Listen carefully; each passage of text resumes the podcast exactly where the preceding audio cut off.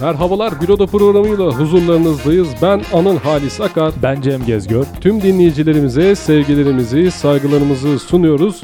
Uzun bir aradan sonra bugün Cem'le Büroda baş başayız. Ee, evet. Geçtiğimiz 3-4 bölümdür Büroda istişare bölümlerimizle e, stüdyomuzda konuklarla e, birlikte olmuştuk sizlerle. Bugün Cem'le baş başa sizlerle birlikte dertleşeceğiz. E, son günlerde hepimizin e, mutlaka gündemini işgal eden, işgal etmeyen biri varsa e, tebrik ettiğimiz gerçekten. Herkesin ucundan kıyısına e, etkilendiği bir olay. Etkilendiği olayı konuşacağız, olayları konuşacağız. Gerçekten e, ekonomideki bu son gidişatların hem inşaat sektörüne hem de e, konuta, konut satışlarına, işte kiralara vuran e, etkisini konuşacağız.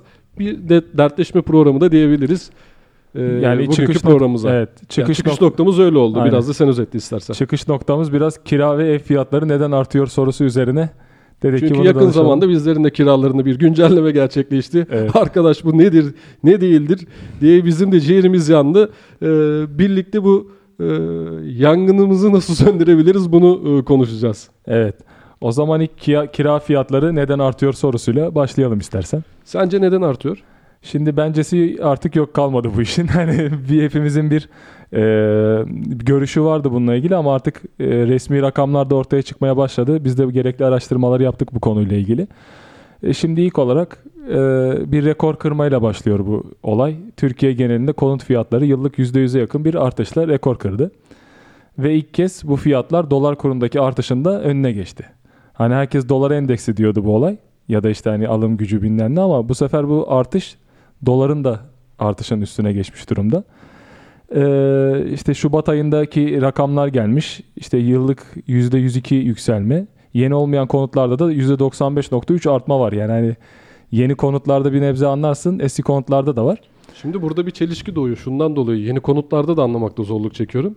Ee, hep diyorduk ya bu doların artışıyla işte demir, çimento, beton işte içerisinde kullandığımız malzemelerin hepsi Evet. artacak. İnsanlar yeni ev alıp satmaya fiyat güncellemeye veremeyecekler. Çünkü bir ara e, hafızamızı güncelleyelim bu e, araba satışlarında dahi böyle bir fiyat verme sıkıntısı vardı. Hı hı. Şu an ne durumda bilmiyorum ama hani belli bir sıra olup e, o günkü geldiği zamanki fiyata göre endeksleniyordu. Evet. Hani sana önceden fiyat vermiyordu. Tabii. Ee, böyle bir durumda bu satışların nasıl giderek artı, arttığı e, aynı zamanda eski evlerin de e, kira artışlarında hem de işte alışverişlerinde Hı hı. satışların el değiştirmesinde çok ciddi bir artış e, olduğu gözlemlendi.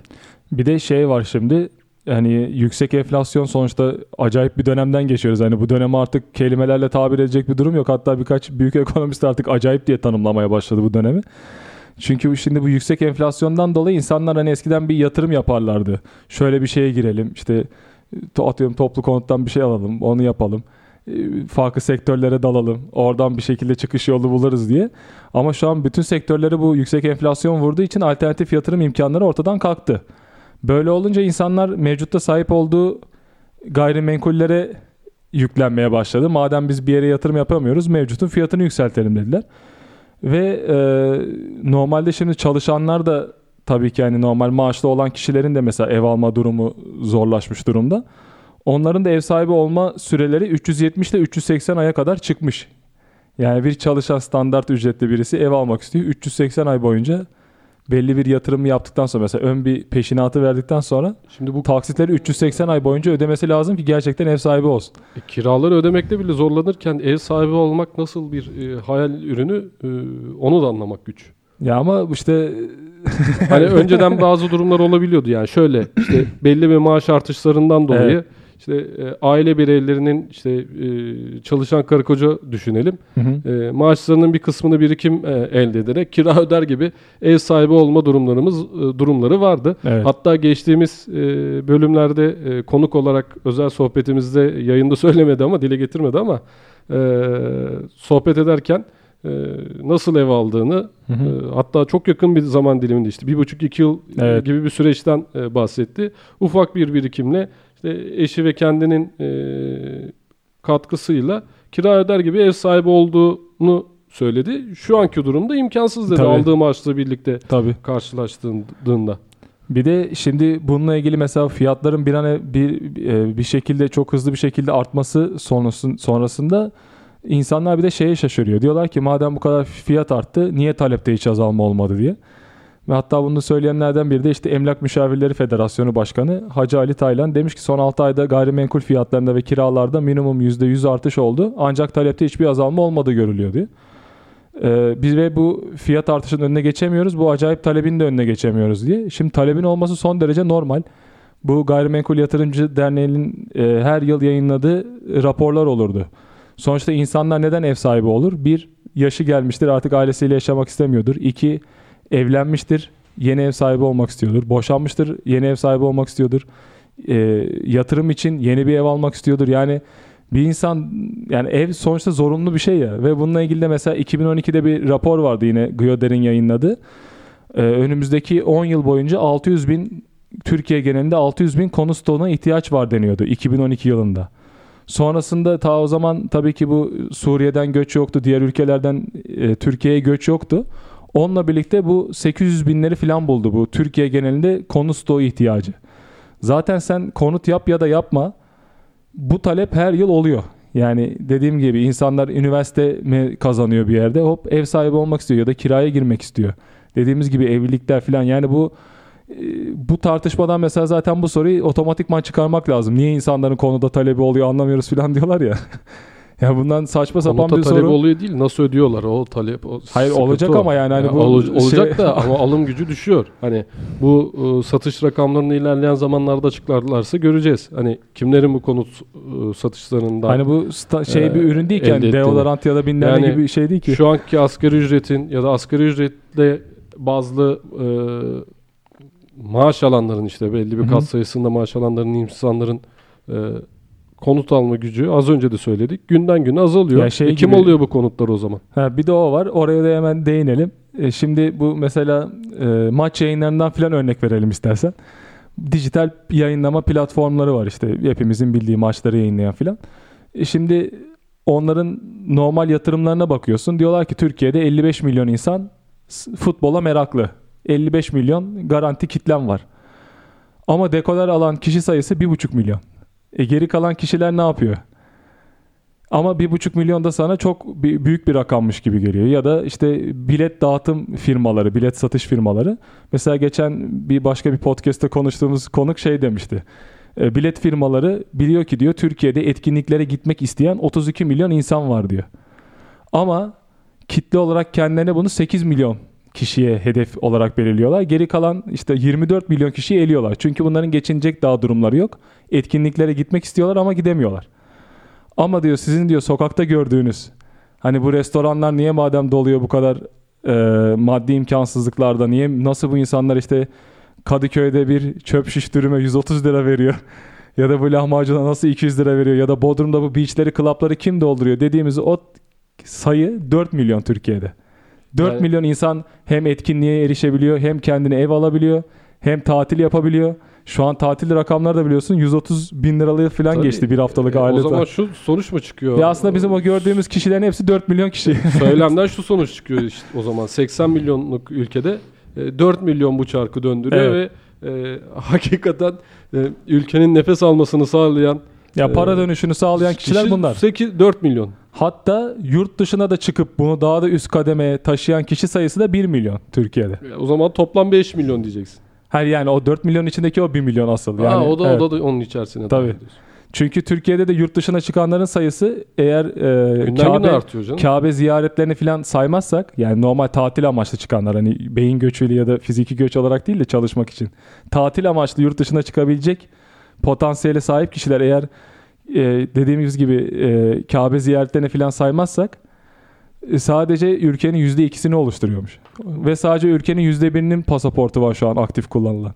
Yani sen aslında 83 milyon gümbür gümbür geliyoruz diyorsun ama o 83 milyon kişi aslında 4 milyon kişiden falan oluşuyor. Yani asıl para transferini sağlayan sıcak parayı Ya yüzde bir mi dedin sen şimdi 83 Evet. milyonun ka- kaçı yurt dışına çıkmamış yüzde bir çıkıyor yüzde 99'u çıkmıyor. İşte yüzde 99'u çıkmıyor yani. ya da dediğim gibi Kabe ziyaretlerini falan İşte bu- çıkartırsa. hayır bu hayır şeyi düşünce bu da ülkenin e, kalkınmasını, gelişmesini, kültürel e, Hı. reform oluşmasına yönelik ciddi bir soru işareti. Hep Evet. diyoruz ya böyle işte bir yer Avrupa Birliği'ne girmekten falan bahsediyoruz. Evet. Yani aslında biz de hep şaşırıyorduk ya bu kadar restoranlar nasıl doluyor? E, 4 milyon kişi dolaşıyor işte ülkeye dolaşıyor. Şehri dolaşıyor. İstanbul'daki mekanları dolaşıyor.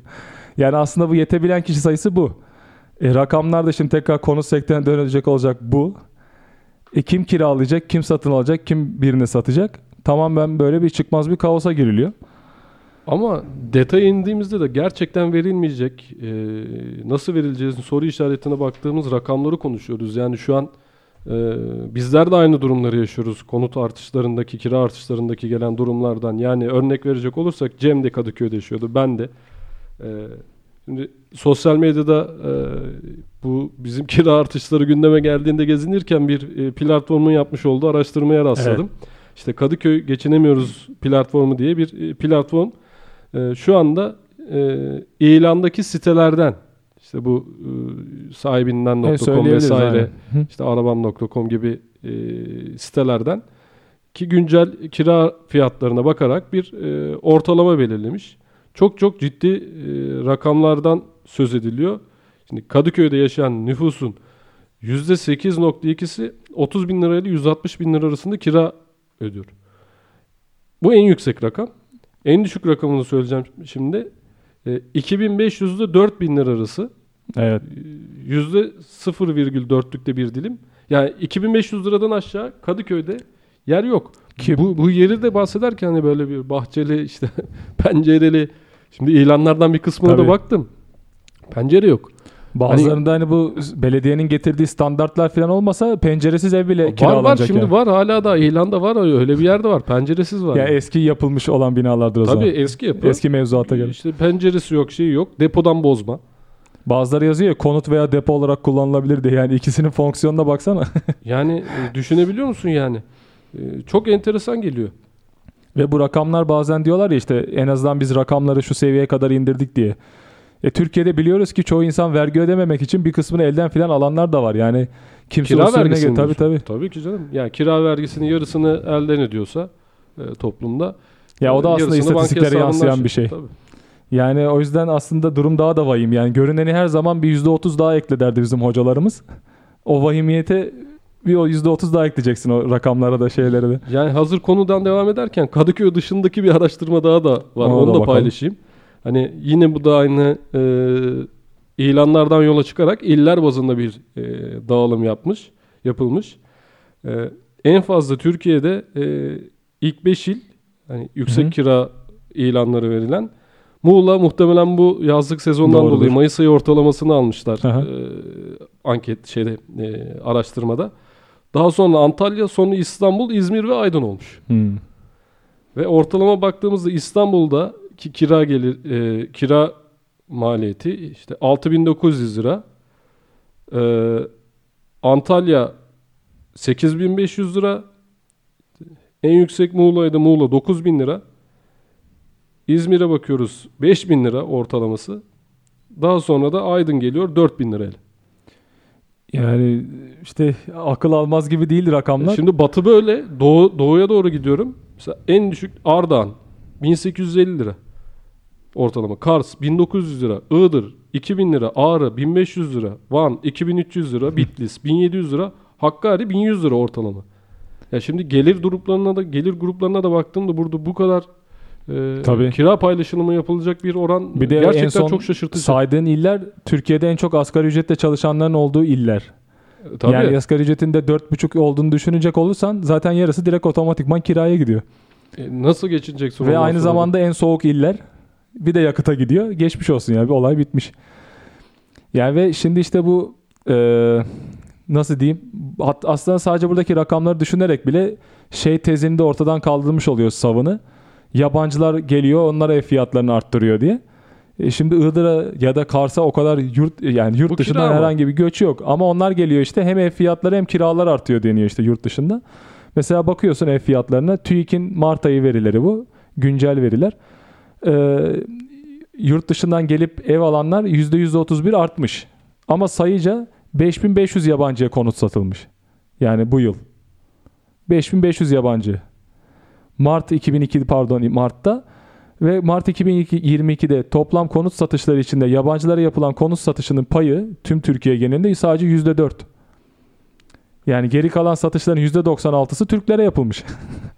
hani Ya yabancılar burada- burada geliyor o yüzden Şu olmasın burada artıyor. öyle bir yanılgı. Şimdi e, ilk vatandaşlık olunca bir yani konut aldığında vatandaşlık verme muhabbeti vardı ya. Aha. Onları Türk vatandaşlığından soyuyor olabiliriz araştırmada. Bak o da olabilir. Türkiye'deki ben Yani Amerika'dayken sonra- anladım. Amerika'dayken Türkiye ile ilgili yapılan bir araştırma vardı. Oradaki hoca demişti ki hiç dedi sen Türkiye'deki o tarz verilere bakma. bir şekilde yutturuluyor diyordu. Çünkü e, şöyle Türk vatandaşlığını gerçi Doğru, geçtikten sonra Türk olarak kabul ediyoruz. Orada da belli bir sınır vardı yani. Şu an tam rakamını hatırlamıyorum. Yeni yükselttiler çünkü. E, o rakamdan düşükse onlar e, yabancı statüsünde kalmış olabilir. evet doğru orasında o zaman tekrar o savı tekrar ortaya çıkartalım o zaman. Ee, onun dışında yani tekrar bu fiyatlar niye yükseliyor deyince insanların Türk lirasına olan güveni az. Yani bu para birimi ve en çok işte hem sokak röportajlarında görüyoruz izlediğimiz. Hem yine yakın çevremizde görüyoruz. Hem yine ekonomistler de söylüyor. Yani mesela savaşın içinde olan Rusya Ukrayna'da bu kadar kurlardan etkilenmedi. Türkiye'de Enflasyon nasıl onlarda etkileniyor diye. Yani neredeyse kat ve kat daha fazla enflasyon baktığında. Doğru bir örnek verdin yani. enflasyon Ukrayna'da Rusya'da ne bizim ülkemizde ne. Ve şey vardı ya işte bu benzine yansıyan tabii ki hani rakamlar fiyatlar da vardı işte. Sonuçta hani benzin ya da petrole gelen zam her türlü insanın alım gücünü etkilediği için e, alım gücünde insanlar normal maaşlarıyla karşılayamadığı için kendi gayrimenkullerinde o zammı gerçekleştiriyor. Bir de şey çok komik bir anı var. E, Olay görmüştük ya seninle televizyonlarda işte Ukrayna'da herkes işte savaştan dolayı benzin istasyonlarında kuyruğa giriyor diye. Aynı gün burada benzine bir buçuk lira zam Evet. yapılacaktı. Bir buçuk, bir buçuk kilometre kuyruk vardı. Oradakinden daha beter bir kuyrukla karşı karşıyaydık. Ki o zaman benzin daha 18-20 lirayı görüyordu o aşamalarda. Şimdi 25 liraların 27 liranın hatta motorinde 30 liranın üstüne çıktığını gördük. Ya İşte- bu rakamlar arttıkça pazara yansıyor, nakliyeye yansıyor, alım gücüne yansıyor, otomatikman fiyatlara yansıyor. Doğru bir e, örnek üzerinden geçiyorsun. Birazcık detaylandırayım onu. Detaylandır. E, hafta sonu Afyonkarahisar'daydım. Pazara bakma fırsatım oldu. Tabii. Fiyatlar e, gerçekten e, bu İstanbul'a göre 4 katı daha ucuz. Hı hı. Yani dörtte biri fiyatına. E, hatta bazı algı operasyonları falan da karşılaştım ondan sonra e, sosyal medyada. Ya işte Afyon'da bu fiyat, İstanbul'da e, işte toptancılık yapılıyor, şu yapılıyor, bu yapılıyor diye. Az önce senin de örnekte verdiğin gibi. Şimdi Afyon'da toplanan domates, atıyorum Serada toplanan domates İstanbul'a gelinceye kadar Hı hı. 500 kilometre yol geliyor. Tabii. 500 kilometrede o kamyonda neler yakılıyor? Benzin fiyatı konuluyor. Tabii. Geliyor sonra depoda. Depoya gelen zam ayrı. Tabii depoya gelen zam var.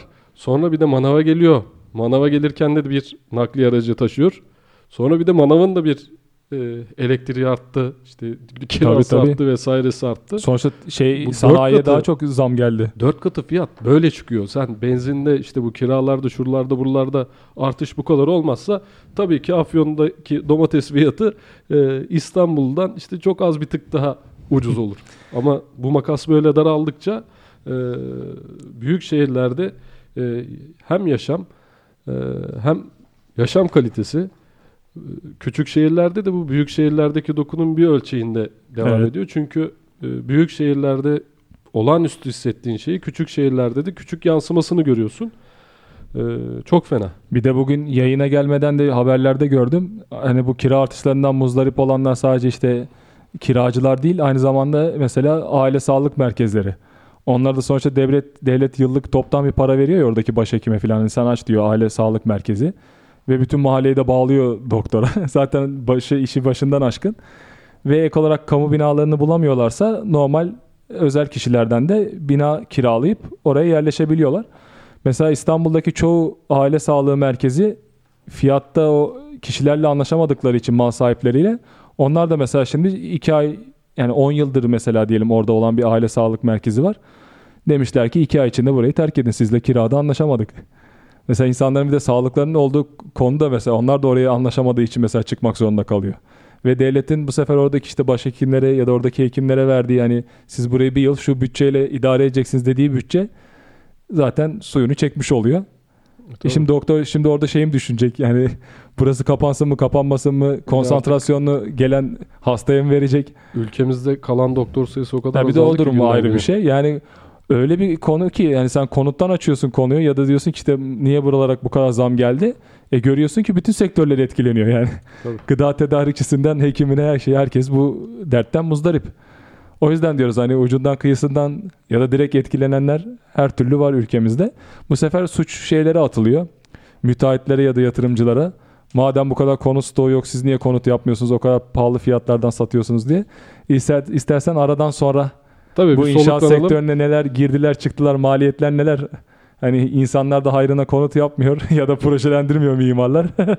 Sizler niye bu kadar büyük fiyat çekiyorsunuz diye. Projelendirme, projelendirme parası alıyor mu mimarlar? Evet alıyorlar da az oluyor. Yarı, Orada- e, kanayan yarımız. Kanayan yaramız. O E, biz yüzden- soluklandıktan sonra devam edeceğiz programımıza Aynen. efendim. Bekliyoruz.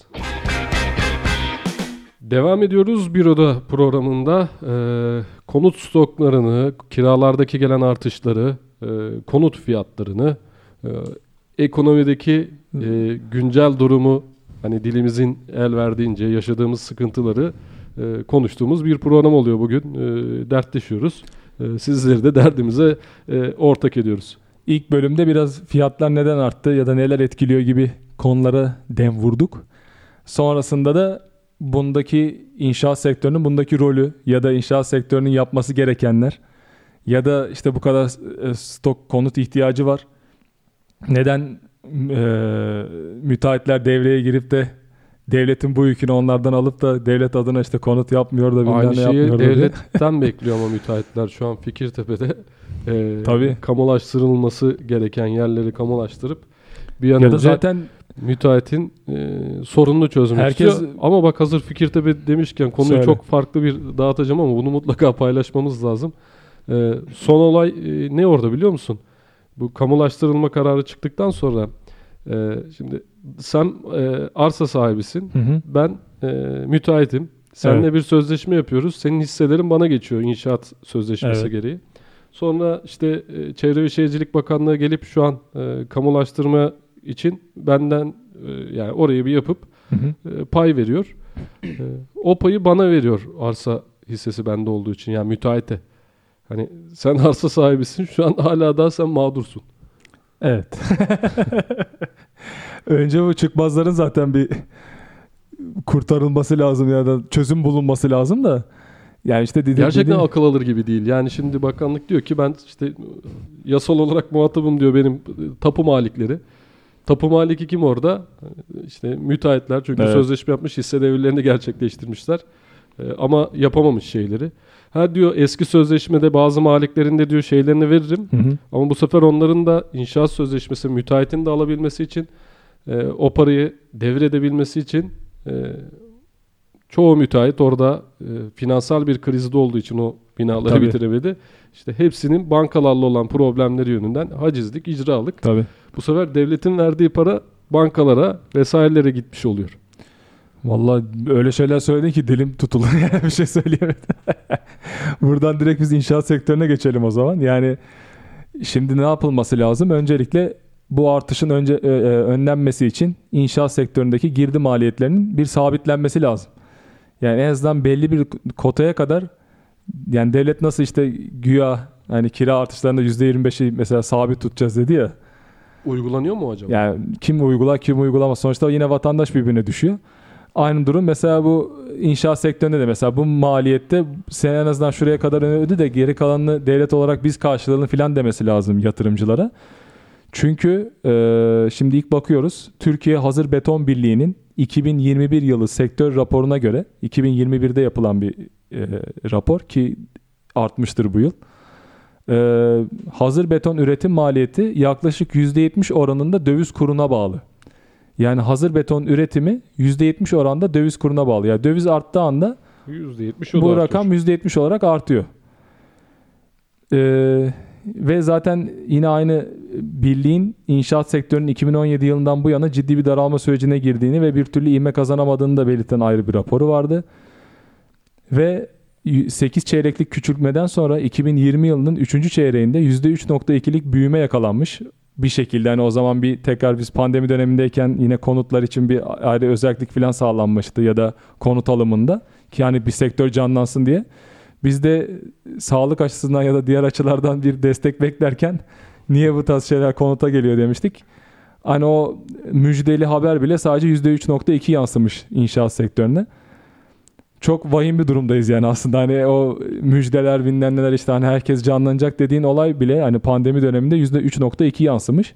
Ve dediğimiz gibi sadece binaların hani çoğunluğu beton üzerinden yapıldığı için zaten olmazsa olmaz bir malzeme. %70 oranında da döviz kuruna bağlı olduğu ortaya çıkıyor. Şimdi bu rakamlar sabitlenmediği sürece yani sen Nasıl Şubat ayında diyelim. Bunun sabitlenmesi için dövizin e, düşmesi Hayır hayır devletin şey demesi lazım. Yani O uygulanabilir bir şey olmuyor ki ama kira dönemlerinde de söylendi ama denetimi nasıl? ya da çoğu kişi e, diyor ki hani bu kadar büyük zam olmadı. E sen sadece Çevre Şehircilik Bakanlığı'nın yayınladığı o poz fiyatlarına bile baktığında cama %300 zam geldiğini görüyorsun.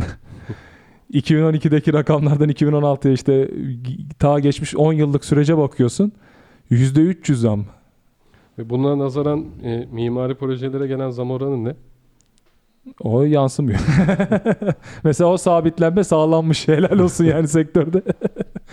4 yıl önce de çizsen aynı rakamı alıyorsun neredeyse. Şimdi de çizsen aynı rakam. Rakam alabiliyorsan ne şüphe. ya da geç yatırılıyor. Hatta almak için böyle acayip uğraşanlar da var çevremizde. Tabii. Hep konuşuyoruz ya böyle inşaat maliyetinin %10'unu değil artık %5'ine de razı mimarlar. Hani Bir de e, işte şey sıkıntı. Malzemelerden kesemediğin şeyi insan emeğinin sağlandığı olaylarda en azından sen şimdilik böyle al ama ben sana bir bundan sonra yapacağım 2-3 işi de veririm tarzı bir iş bağlama umut ama vaat her edenler var. zaman her zaman şu- Cennetten arsa satıyorlar yani. her zaman şunu söylüyoruz ama bak plan projede verdiğin maliyet e, ne kadar fazlaysa sana uygulamada dönecek şey o kadar az olacak. Tabii. Yani bu, bu sefer senin tasarımdaki harcadığın para uygulamada e, düşecek. Çünkü planlı programlı harcadığın için sistem üzerinden tık tık tık tık gidecek. E, sen uygulamada o betonu kırıp yeniden yaptığın işte ne bileyim işte e, çatıyı söküp yeniden çatı inşaat etti. Çünkü böyle örneklerle karşılaşıyoruz. Her e, şantiyede mutlaka bir revizyon oluyor. Tabii. Mutlaka bir tadilat oluyor. Mutlaka ilk çizdiğin projeyle son uygulanan proje arasında Dağlar kadar fark var. Var çünkü orada bir uygulamada farklılık oluyor. Çünkü e, bu Türkiye'de bu planların, projelerin tasarıma verilen e, zamanla e, inşaat aşamasına verilen zaman ve ikisinin koordine olması arasında bir e, sıkıntı var. Sıkıntı Tabii. çözülemiyor e, senelerdir de. E, bu da böyle sonuçları doğuruyor. Bununla ilgili işte artık bundan sonra hani biraz olsun döviz kurunda bir ferahlama diyelim yaşadık. Peki bu direkt fiyatlara yansır mı diyorlar? Tabii Hayır. ki hayır. Çünkü Çünkü dolar zaman zaman düştüğünde hangi bir e, zamlanan e, konutun, arabanın, e, benzinin düştüğünü gördük. yani bununla ilgili zaten Emlak Müşavirleri Federasyonu Başkanı yine diyor ki piyasa o kadar zaten istikrarsız ki 6 ay sonraki fiyatların zaten ne olacağını kestiremiyoruz. Ama biliyoruz ki bu fiyatlar da geriye gitmez. Yani açık açık bunu direkt piyasanın bir numaralı isimlerinden biri Tabii söylüyor. Şu ana kadar hala daha mesela kira artışı e, ufak da olsa kira artışı yapan diyor ki ya 3 ay sonrasına göre ben yine kardayım diyor. Ki bunu şeyleri de gördük fiyatların azalmadığını. Bundan önce e, hani diyoruz dolara endeksli ya da işte petrol fiyatları filan. Bundan önce petrol fiyatları zaten yani nasıl diyeyim benzin petrol fiyatları zaten dolar kurunun aşağısındaydı. Geçen yıla kadar Türkiye'de bir şekilde aşağıda tutuluyordu. Demek ki o finansmanın bir kısmını devlet sağlıyordu. Ama şimdi devletin galiba o görünmeyen desteği ortadan kalktıktan sonra e, geçen aylarda ekonomi uzmanlarının dediği zaten işte petrol fiyatlarının varilin fiyatı oldukça arttı. Türkiye'de de biz bunun yüzde yani 35 liralara kadar çıkmasını bekliyoruz diyorlardı. Ki adım adım oraya doğru gidiyoruz. E şimdi e, müteahhit diyelim yani yatırımcı şu an zaten konut yapmak istemiyor. Bir. İki, müteahhitler buna zaten istekli değil. Üç, hadi diyelim herkes istekli oldu. Mimarlar ya da işte projelendirecek ya da projenin bütün kalemlerinde yer alacak diğer disiplinler alacağı rakamlardan memnun olmadığı için orada zaten bir fiyat sıkıntısı yaşanacak. E burada devletin girip bir şekilde bu konut stoğunu kapatmak için toplu konutlara yönelmesi gerekiyor. Hadi diyelim toplu konutlara yöneldi. Devlet bütçe de ayırdı. En büyük korkum şey niteliksiz toplu konutların yapılması. Yani yine biz her ile aynı konutların hürra böyle hadi yapalım 6 ayda bitecek falan tarzı konut yapılması Yani ve bu şu da an zaten o yapılıyor. yani niteliksiz konutların yapılması, büyümenin yine nereye doğru olacağının kes, kes şey olma kestirilememesi. Mesela Bursa'da da aynı şekilde yaşamıştık. Bursa'nın fiziki şartları dış cepherlerden tekrar içeriye merkeze doğru büyüyecek şekilde oluyor. Hani çevresi dağlarla çevrili olduğu için. E böyle olunca sen toplu konutları yapıyorsun. Hop millet oradan yine merkeze doğru kaçıyor. Bu sefer merkezde toplu konutlar oluyor. Sonra aa niye silüet bozuldu? Ya da Van'da yapıyorsun 6 ay içerisinde işte yani depremzedeleri hemen konut yapalım diye. Çoğu niteliksiz. Yani Aynısını sonra gelip Afyon'da yapıyorsun. Aynen yani bu sefer oradaki nüfusun neye göre büyüyeceği değil de ha- hadi hadi biz burayı yapalım bir şekilde. Şehir buraya doğru büyüsün mü, büyümesin mi? Orada işte korunması gereken yerler var mı, yok mu? Bu sefer gelecek 10 yıl sıkıntılı duruma düşüyor. E şimdi dahi yapıyoruz ya. e, havalimanı yapıldı ya. İstanbul Havalimanı. ya orası Yani apayrı bir şey. Sen, hayır şimdi toplu ulaşımda çok rahatlıkla ulaşılabilen, serviste çok rahatlıkla ulaşılabilen, şehrin göbeğinde. Hala hazırda metro ulaşımı Ha- olan yani tek havalimanı. Tek havalimanı. daha hala daha Sabiha Gökçen'e bi- bitmedi. e, o, Evet. o çalışmaları. güya oraya Şey- tünel yapıldı, üstü kapandı. Boşta kalan tünel var. bir şekilde şeyi yapılmadı. e, gidip hem şehri oraya doğru taşıma e, düşüncesine yönelik bir adım hem yani nereden tutsan tutarsızlık ya. Şimdi bir de şey var. Hadi diyelim Ha yine havaalanından bak konu açılmışken yine bir şey söyleyeyim ondan sonra geçeyim. Yine da, dağıtıyoruz böyle ara sıra konuyu ama şimdi sohbet ortamındayız Hepsi birbirine böyle. bağlantılı Hepsi birbirine konular. bağlantılı konu. Havalimanı demişken yine e, hafta sonundan bahsedeceğim. E, dünyanın e, belki de dünyanın dünyanın diye çıktı e, ağzımdan. E, en çok zarar eden havalimanından kalkarken İstanbul'a gelirken o Zafer Havalimanı'nda. Zafer Havalimanı'nı kullandım. Zaten İstanbul'dan tek uçak iniyor. Dediler ki uçağa bindikten sonra rotar var.